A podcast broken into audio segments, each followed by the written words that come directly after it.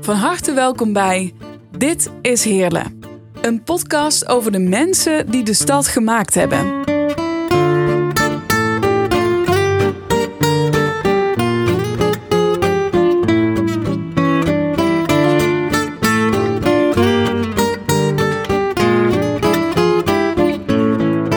Met in deze aflevering Riet de Wit. We zitten dus bij Riet de Wit aan tafel, eh, die eh, rond de eeuwwisseling eh, zeer actief was in de Heerlandse gemeentepolitiek. Als raadslid, later als wethouder het hele dossier eigenlijk ehm, onder zich gehad. Heeft ze mogen bestieren. Dat was toch wel een opdracht, Riet? Ja, nou enorm. Enorm. Want het was natuurlijk gewoon een heel heftige periode in, in Heerlen. Ja. met name vanwege de enorme drugsverslaafden. We waren het harddrugscentrum van heel West-Europa. Ja. Heroïneproblematiek, hè? Heroïneproblematiek was heel hevig, maar eigenlijk werd alles door elkaar gebruikt. Hè, van alcohol tot allerlei drugs, uh, maar heroïne was uh, duidelijk zichtbaar. Ja. Toch even naar jou persoonlijk, Riet. Het is natuurlijk wel als, als politica, ja, je, je moet wat om handen hebben, zou ik maar zeggen. Je wil je ergens voor inzetten. Dat kon hier natuurlijk, je kon je uitleven, hè? Ja, ik heb altijd beweerd, bestuurders horen eigenlijk thuis in Heerlen, want daar is zo ongelooflijk veel te doen. En dat is natuurlijk nog steeds zo. Ja. Even naar jou dan. Je kwam in de raad een beetje begin jaren 90, hè? Ja, 94. Ja. Wat was de situatie toen? Waren er al plannen om het aan te pakken? Ja, zeker. En er is ook best veel gebeurd in die periode. Bij de hulpverlening werden um, een aantal methodes ontwikkeld. Um, um, bijvoorbeeld het verstrekken van heroïne uh, in de opvang. Um, er werd um, al gekeken naar uh, allerlei methoden om zeg maar, um, uh, ja, de boel te beheersen op straat. Maar op een of andere manier, terwijl er steeds meer uh, middelen kwamen, werd het gewoon niet zichtbaar uh, in het geheel. Dus eigenlijk zag je dat de drugsoverlast um, steeds toenam.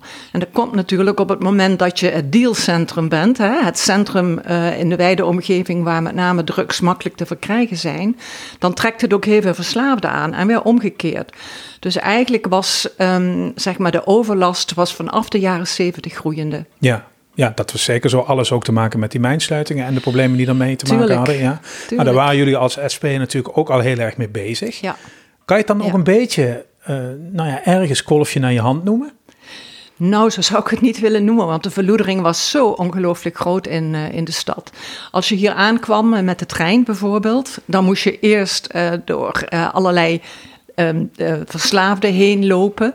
Dat zag er gewoon heel um, ja, beroerd uit, want uh, de mensen waren niet alleen weg, ver weg, zeg maar. In die zin dat ze zaten te suffen of te slapen of ergens lagen. Maar de mensen waren ook heel erg onverzorgd. Dus stonken bijvoorbeeld. En daarnaast had je natuurlijk de dealer. En dat was best heel dreigend. Vanaf ja. het moment dat de winkels dichtgingen, moest je echt niet meer een hele centrum zijn. Nee, dan heb je het ook over zware criminaliteit uiteindelijk. Hele zware criminaliteit. Het was zelfs zo erg dat uh, de verschillende bendes um, in de Sarolia-straat op de hoeken stonden. Dus je kon, als je door de Sarolia-straat liep, kon je gewoon een aantal talen horen, uh, met name de dealers uh, die daar uh, in de buurt stonden. Ja. Nou wordt dat probleem geconstateerd door burgers, dus ook door de politici die hier in de gemeente actief ja. zijn. Um, overstijgt dit dan ook meteen de partijpolitiek, zal ik maar zeggen? Kan je snel een beetje met z'n allen dezelfde kant uit? Nou, was dat maar waar. Um, iedereen vond wel dat er wat moest gebeuren. Maar het leek in de jaren negentig eigenlijk dat um, de machteloosheid van de stad en van alle instanties die um, zorg leverden of openbare orde uh, moesten verzorgen, alsof die machteloosheid steeds groter werd. En dat had onder andere te maken met de verdeeldheid in de politiek, maar ook met allerlei belangen. Dus um, zeg maar op het moment dat er ergens opvang moest komen, dan kwamen er ook allerlei belangen aan de orde. Van mensen die daar woonden, uh, mensen die daar eigendom hadden, mensen die daar een stuk grond hadden in de buurt. Dus um, zeg maar, en die ook allemaal uh, zich wenden tot de politiek. Dus de verdeeldheid was over het algemeen vrij groot om die reden. Maar ook, denk ik, verdeeldheid in de aanpak. Um, die kwam ook nog alles voor. Ik weet bijvoorbeeld dat toen het ging om een tippelzone in Heerlen, want er werd enorm getippeld achter het station richting Zeswegen, dat hele gebied Schandelen. Als er uh, ging om het aanwijzen van een tippelzone, um, die er uiteindelijk moest komen, daar was iedereen wel van overtuigd. dat uh, zeg maar in hele heel lang gedacht werd om het bij een buurt um, te leggen. Uh, en terwijl wij bijvoorbeeld als SP zeiden, dat kun je niet doen, want dat verzwakt die buurt zo ontzettend, want dat hadden we gezien in Schandelen en in Zeswegen. Je moet dat leggen bijvoorbeeld bij de Beitel, bij een industrieterrein. Ja. En dus ook de methode, zeg maar, de inzet, wat moet je waar doen, dat verschilde ook nog wel eens in de politiek. Ja, maar de gedachte was wel, oké, het probleem is er, we pakken dat en eigenlijk centraliseren we het een beetje, laat ik zo zeggen, gereguleerd. Ja. En dan kijken of je het kan afbouwen.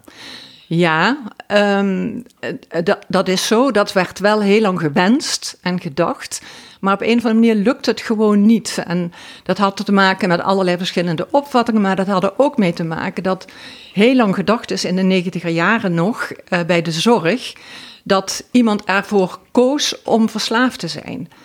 dat, uh, zeg maar, dat, dat het een vrijwillige keuze was. Terwijl eigenlijk als je keek, dan zag je gewoon dat het ja, mensen met psychiatrische stoornissen waren, uh, zieke mensen waren voor, denk ik wel, het grootste gedeelte. Mm. En um, um, openbare orde, dat was eigenlijk weer een tak apart. Die moesten vooral zorgen dat het op straat rustig bleef, maar dat was niet zeg maar nog het doel van de zorg, maar ook niet wat de zorg zich wenste. Want zij wilden gewoon uh, die mensen rust gunnen, uh, uh, opvangen op bepaalde manieren. En die opvang was ook veel te weinig in die periode. Ja. Hoe ver keken jullie vooruit eigenlijk toen? Weet je dat nog? Was er ook al een plan van: oké, als we dit onder de duim hebben, dan gaat het die en die kant uit met de stad? Ja. Nou, er is een verandering gekomen uh, rond de eeuwwisseling hè, in, uh, in de aanpak. In die zin, er kwam een burgemeester van buiten de provincie, uit ja. Gelderland, um, een VVD'er. Um, best wel een mannetjesputter, ja. zeg maar. Sakkers hebben het over. Ja, ja. ja Alexander Sakkers, die um, zei van... ja, maar dit kan toch gewoon niet wat hier aan de hand is... en waarom wordt dat getolereerd... en uh, waarom uh, uh, verloedert die stad zo, hè, waar iedereen bij staat... En die is toen begonnen met een aanpak. Operatie Hartslag ja, kwam dat uiteindelijk naam kent iedereen nog wel, ja. Ja, zeker. En um, die ging heel duidelijk zichtbaar met alle uh, openbare ordemiddelen... ging die nou ja, tekeer zal ik maar zeggen, hè, en vergeleken met de periode daarvoor. Hij ging uh, panden dichttimmeren waar drugs uh, gedeeld werden. Dat deed hij dan duidelijk zichtbaar met een boormachine of een hamer. Hè. Hij werd een beetje de persoon van uh, de harde aanpak. Ik weet, ik werd in 2000 werd ik wethouder. Nee, in 2002 werd ik wethouder. En toen ook nog per verslavingszorg in mijn portefeuille. En de eerste dag dat ik um, in het college kwam, de allereerste dag, we werden ontvangen op het gemeentehuis met koffie en aardbeienvlaai met slagroom. En toen zei hij daarna, na de eerste vergadering, van Riet, uh, je moet even met mij meekomen, want ik moet je eens wat dingen laten zien.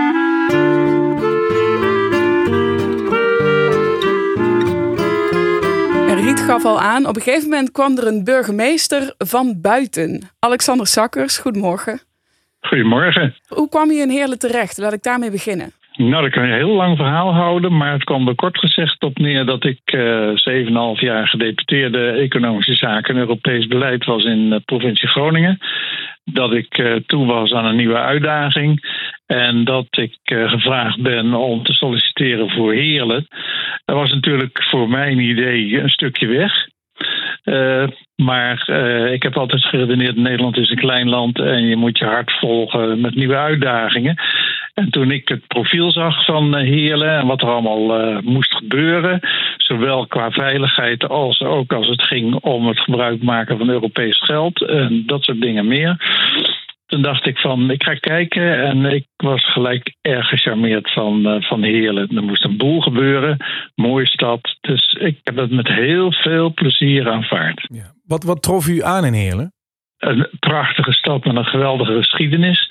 Maar uh, wat ik eigenlijk al snel constateerde en ook hoorde vanuit het college, was dat eigenlijk en de burgers in het centrum en de politiek uh, de moed zo'n beetje opgegeven hadden of we ooit nog erin zouden kunnen slagen om Heerlen weer echt terug te geven aan de burgers. Want het centrum was natuurlijk niet bepaald veilig. Nee, daar lagen dus allerlei uitdagingen. Nu, nu gaf uh, Riet de Wit ook aan, het was goed dat er een buitenstaander kwam, want het was een beetje te nou ja, ons kent ons zoals dat gaat in een kleinere stad.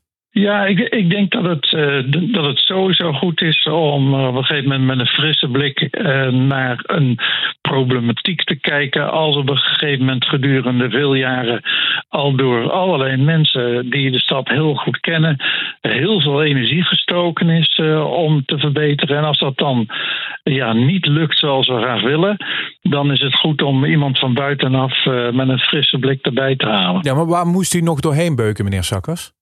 Het terugbrengen uh, van het vertrouwen in. Als we een gezamenlijke inzet leveren, moeten we in staat zijn om die stad weer uh, die waarde te geven die het woorden te hebben.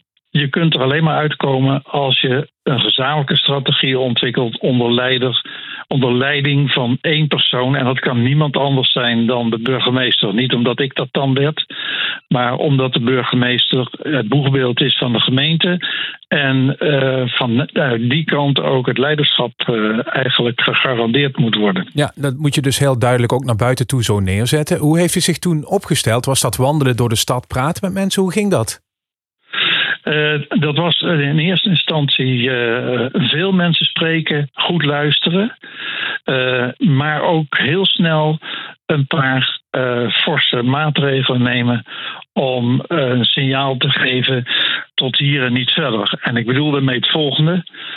De tunnel bij het station was zo'n beetje de, door mensen de onveiligste plek werd dat gevonden van de stad. De mensen die s morgens met de trein moesten, of door de tunnel heen naar hun werk of wat dan ook, die, die waren letterlijk bang voor hun veiligheid om daar s morgens al door te lopen.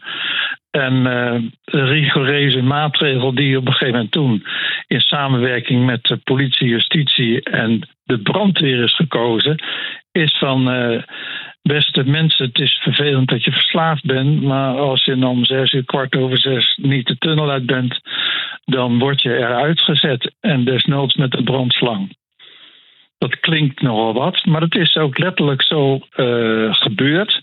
De brandslang is niet nodig geweest, maar vrij snel uh, was die tunnel in ieder geval leeg. Morgens vroeg en konden de mensen weer naar hun werk. Nou, dat was een eerste signaal. Ja, want daar wilde ik inderdaad naar vragen. Wat waren voor u die signalen dat u merkte van... hé, hey, dit gaat goed, we zijn dit echt aan het aanpakken of we krijgen het in de grip? Nou, het belangrijkste is dat uh, um, in feite in de gesprekken die, uh, die gevoerd werden, dat iedereen uh, wilde graag bijdragen om dat aan te pakken. En wat er toen gebeurd is, is met die strategie van: oké, als we dat dan doen, dan wil ik, en dat is dan die voorzitter, dat iedereen tekent voor datgene waar die eigenlijk voor ingehuurd is. En dat betekent dat de Nederlandse spoorwegen zorgt dat dat station er weer mooi uit gaat zien. Dat de busmaatschappij zorgt dat uh, de plek om in te stappen alles oké is en zo. Dat er vanuit politie en justitie ook strategisch met elkaar wordt uh, samengewerkt met andere partijen. Noem maar op. Zo is er op een gegeven moment dus een, eigenlijk een samenwerking ontstaan van, en dat waren, uh, ik doe het even uit mijn hoofd, maar uh, 11 à 13 verschillende partijen die de handen ineengeslagen hebben en gezegd: uh, nu hebben we een gezamenlijke strategie. En uh, goed, we hebben toen de terminologie Operatie Hartslag Heerlen hebben we gekozen, omdat dat eigenlijk precies weergaf wat er moest gebeuren. Was het voor u altijd al duidelijk dat u nadat dit werd opgezet en geslaagd zou zijn, meteen ook weer zou vertrekken uit Heerlen? nee, helemaal niet. Nee, tegendeel. Want ik had het natuurlijk erg naar mijn zin. En een van, van de laatste dingen voordat ik dan weg ben gegaan, was dat enorme project van 129 camera's in het centrum. Waar politiek ook nogal een forse discussie over gevoerd is, omdat ja, uh, privacy uh, gedachten enzovoort. De, dat werd natuurlijk ook nog in de raadzaal uitgevochten. Aan het eind van de rit slaagde dat ook. En uh, wat ik nog wil melden voordat het over mijn vertrek gaat. We hebben toen met elkaar ook de Hein Roethofprijs gewonnen. Omdat het het voorbeeld op dat moment was van een integrale aanpak van alle partijen met elkaar rond één doelstelling. En dat was heel mooi. Dus ik had eigenlijk helemaal geen gedachte om uh, te vertrekken. Alleen ik werd op een gegeven moment uh, werd ik benaderd uh, van of ik uh, alsjeblieft wilde solliciteren voor Eindhoven. Nou, dat heeft mij een paar nachten wakker gehouden. Ja, dat was een harde keuze, begrijp ik. Het was een moeilijke keuze, om, ook omdat ik die verantwoordelijkheid van je zit drie jaar hier, eigenlijk, eigenlijk kan het niet dat je, dat je wegstapt. Dus dat was best wel een heel groot dilemma. En ja, goed, dat ik uiteindelijk voor gekozen heb, was, was ook. We hebben de boel wel op de rit. En ik had er ook vertrouwen in dat een opvolger en samen met het college, want bijvoorbeeld de Riet de Wis had ook goud in het college. Er waren mensen als René Seijbe, Frans Holf, Frans Walkowiak, Jos Zuidgeest. Waren, we waren inmiddels met z'n allen. En dat, ja, dat gaf mij ook vertrouwen in van als je weg zou stappen, gaat dit wel door. Ja, houdt u Heerlen nog in de gaten? Ja, ik heb, ik heb ook nog uh, uh, met name één vriend uh, waarmee ik heel nauw contact hou. Ook regelmatig met elkaar komen. En ik ben nog niet zo lang geleden samen met een paar verslaggevers door het centrum van Heerlen gelopen. Ik heb natuurlijk goed in de gaten houden wat die hele stationsontwikkeling inhield van het maankwartier en zo. En daar krijg je toch wel een heel, heel goed gevoel met die mooie stad.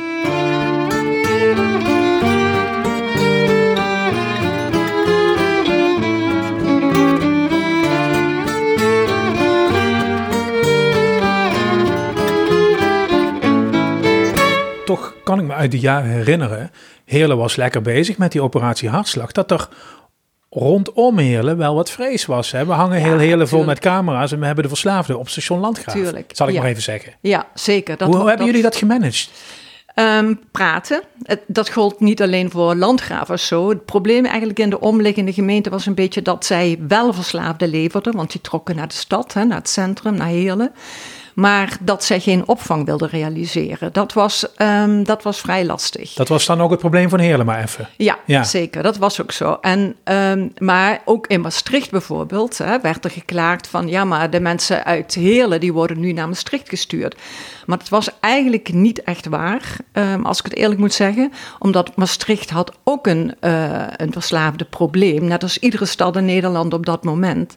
Maar um, dat was minder zichtbaar. Heerlen heeft maar een klein centrum, dus het concentreerde zich heel erg rond het centrum en dan is het meteen heel zichtbaar. Maar Maastricht had bijvoorbeeld de Maas. Hè, dus daar langs uh, uh, was het ook niet pluis s'avonds. Maar dat is dan niet zo iets waar je hele stad en je wijken onder lijden. Dat was minder in Maastricht. Nou, dat is gewoon een andere situatie, precies. Ja. Uh, toch heeft dit hele verhaal jou politiek gezien als wethouder op dat moment ook je kop gekost, hè? Ja, zeker. In die zin um, dat ik ben opgestapt zelf. Um, het ging eigenlijk om uh, het realiseren van de laatste definitieve plek voor de dag- en nachtopvang. Hmm. Um, die was zorgvuldig geselecteerd uit een, een stuk of 35 plekken. Hè. Iedereen kon een idee aanleveren uh, voor, voor de definitieve opvang. Um, we hebben dat ook, ook zeg maar, um, gezamenlijk gedaan met alle partijen die bij operatie Hartslag um, uh, betrokken waren. En uiteindelijk, uit de laatste drie locaties die het meest geschikt waren, um, hebben de toenmalige burgemeester, dat was inmiddels al burgemeester Grezel, en ik hebben de laatste um, plek geselecteerd. En die hebben we voorgelegd um, in het college. En toen bleek dat er een probleem was bij een van mijn collega's. En dat had ermee te maken dat er een bouwterrein was in de buurt van, van die opvang. Ja. Um, en de projectontwikkelaar had uh, snel zijn weg gevonden naar uh, die wethouder. En die wilde niet meer instemmen. En die kreeg toen ook toestemming van de burgemeester om er tegen te stemmen. En daarmee begon het eigenlijk te wankelen. Ja. En uiteindelijk werd het ook verloren in de raad. Dus de fractie van het CDA was er inmiddels, um, wat was dat toen? Die stemde ook tegen. En uh, dat betekende eigenlijk dat ik vond dat ik moest stoppen omdat je dan niet um, kan zeggen van, nou hier spelen belangen van ontwikkelaars. Uh, dan moeten we maar naar een andere plek gaan in de stad. Dan ben je niet meer geloofwaardig, vond ik. En dat betekende dus dat ik opgestapt ben. Ja, dan moet je dan tussendoor, want je probeert een best eer en geweten dat werk te doen. Ja. Ineens weer enorm politicus gaan uithangen en in zo'n raad en uh, met ja. andere wethouders. Dat ja, dan denk je dus ik ook niet op te wachten dan. Nee, nou, het was, het was vooral heel lastig. Ja. Hè? Je wist gewoon de laatste kant, de laatste kans eh, om dit te winnen. Dat is door de raad te overtuigen. En op een gegeven moment voel je dat dat gewoon niet kan. Ja. En ik ben er ook wel een beetje van overtuigd dat het er ook mee te maken had dat de aanpak best wel succesvol werd. In, en in de stad werd dat ook wel, niet door iedereen natuurlijk, werd, maar werd dat ook wel gezien. En ehm, dat is politiek gewoon heel lastig. Politiek, ik zeg wel eens, als je heel lang wil blijven zitten in de politiek, dan moet je eigenlijk niet echt dingen bevechten, niet echt dingen willen veranderen. Dan kun je gewoon, ja, dan kun je tot je tachtigste mee. ja. Ja, zeker. Maar als je echt dingen wil veranderen die ook heel gevoelig liggen, hè, want eh, dat is het natuurlijk gewoon, want je moet wel opvang realiseren en die moet ergens komen. Dus dat betekent ook dat mensen daar tegen zijn, dus je moet dat uit blijven leggen, je moet de aanpak in de stad uitleggen, je moet het toekomstperspectief schetsen. En eh, dat heeft gewoon allemaal ja, veel tijd en inzet nodig. En dan voel je opeens in die raad dat je het niet gaat redden. Ja. Hè, dat ze toch de wethouder eh, gaan volgen. En ja, dat is gewoon heel lastig. Dat is heel moeilijk. Ja, nu, nu zit jij op het dossier, je bent er dan dagelijks mee bezig, je denkt Ja. erover na. Wanneer heb jij, had jij misschien voor jezelf de bevestiging dat de hele burger door had van we zijn dit aan het winnen? Ja, ehm, Of misschien is dat nog steeds wel niet zo, dat weet ik ook niet hoor. Ja, nou, ik weet wel dat in het begin, nou, kijk, als je, als je naar een plek toe moet en je moet praten met bewoners van hier komt verslaafde opvang, hè, vooral omdat de opvang ook niet zo'n goede naam had in, eh, in Heerlen, hè, dat die veel te groot, of de opvang was te klein, er hingen allemaal mensen rondomheen, heel veel mensen uit Duitsland. Ehm, dus de, de opvang riep ook allerlei vreselijke beelden op bij mensen. En ehm, eh, dan is dat gewoon heel lastig. Hè? Je, je, je, moet, je moet elkaar daar ook heel erg in steunen. Dus eh, de politie was er, het leger des Heils was er, de burgemeester was er, ik was er. Hè? Dus we deden dat altijd heel gezamenlijk. Maar desondanks ehm, voel je op een gegeven moment dat het ja, dat, eh, dat heel, heel lastig is. Ehm, en we hebben toen een aanpak bedacht. We gaan de stad rond om de mensen te vertellen wat zijn we nou eigenlijk precies aan het doen, wat is het perspectief daarvan en eh, waarom denken wij dat dit succesvol kan zijn. En we zijn toen naar de stadsdelen geweest, ze hebben daar openbare avonden gehouden zoals dat was en uitgelegd wat we gingen doen. En ehm, in het begin waren de mensen eigenlijk best wel, ja, best wel cynisch. eh, van eh, ja, maar jullie beloven altijd zoveel. En, eh, en op een gegeven moment, ik weet nog heel goed, op de hele baan, daar kregen we voor het eerst applaus zelfs. En dat was echt heel verbazingwekkend. En dat gebeurde na de hand ook een keer in het centrum. Hè, dat de mensen toch gewoon heel blij waren dat het consequent werd aangepakt. Want dat, denk ik, was wel zichtbaar geworden. We geven het niet op. We gaan dat consequent eh, doorzetten, wat we besluiten. En dan, op, dan, dan zie je wel dat mensen dat ook gaan, eh, gaan zien. En dat er naast alle cynisme ook wel hoop ontstaat. Vooral geloof is dan nog misschien hè, dat het gaat lukken, is nog wat ver weg. Maar wel dat mensen hoop eh, gingen krijgen dat we het zouden kunnen aanpakken. Ja, dan, dan heb je het over het probleem aan zich. Is het misschien ook zo dat mensen een soort icoon nodig hebben van de, het gaat de goede kant op met de stad, die misschien helemaal niks met de materie te maken heeft? Een opgeknapt Sjoenk, een schouwburg, een poppodium. Zijn dat ook dingen die daarin meewerken? Ja, zeker. Dat, Ja. Is, hè, dat, is, dat is natuurlijk heel belangrijk in de stad. Een soort triomfboog van de vooruitgang. Ja, je moet Ja. denken, zelfs in de jaren negentig had Heerlen een, eh, nog een centrumplan. Waarbij ze echt hele belangrijke delen van het centrum gesloopt hebben. En wat ervoor in de plaats kwam, dat is eigenlijk ja, een soort blokken, blokkendozen aan kantoren. Langs de rand van, eh, van de weg. Ja. En daarvoor waren natuurlijk al alle iconen van de mijnen waren, eh, gesloopt. Dus die stad had heel weinig iconen. En alles was ook nog redelijk verloederd. Hè? Toen in de jaren negentig bijvoorbeeld ehm, het Glaspaleis werd, eh, werd opgeknapt. Ik weet dat ik toen wel eens gezegd heb... als je een referendum zou willen houden in Heerlen... over wat moet er met het Glaspaleis gebeuren... dan hadden we het niet meer gehad. Nee. Het was zo verloederd en zo lelijk... en een plaats waar junken rondhingen... Ja, met die bruine eh, glas nog glas ja. Ja, zeker. En de slaapplaats voor junks eh, was het s'nachts. Dus dan hadden we het glaspaleis niet meer gehad. Maar als je het nu ziet, ja, dat is natuurlijk gewoon fantastisch. En zo zijn alle dingen die langzaam opgeknapt zijn in de afgelopen jaren... die zijn toch symbool van eh, ja, de heropleving van, eh, van de stad. Ja. Die overigens, als we dan naar het nu gaan, ook nog wel een impuls kan gebruiken, denk ik steeds maar weer. Zeker, zeker. Het is natuurlijk een arme stad, hè? relatief arme stad. Ehm, er moet zoveel gebeuren dat je bijna niet weet eh, waar je moet beginnen. Dat is natuurlijk zo. Hè? Bijna iedere wijk kan wel wat gebruiken aan uh, opknap, uh, opknappen. Um, er zijn heel veel nieuwe scholen gebouwd de afgelopen tijd. Uh, de bevolking heeft heel veel ondersteuning nodig. Dat is natuurlijk ook zo. Dus je kan niet zeggen, eerlijk, ga me nou maar eens concentreren op um, een paar iconen of zo. Nee. Die moeten er wel komen. En het Maankwartier is daar ook weer een voorbeeld uh, van. En de binnenstad wordt nu langzaam vergroend. Heel belangrijk, denk ik. He, want de hele hadden ze bijnaam in de negentiger jaren, door dat centrumplan uh, wat er toen was, kreeg de bijnaam betonstad. Ja.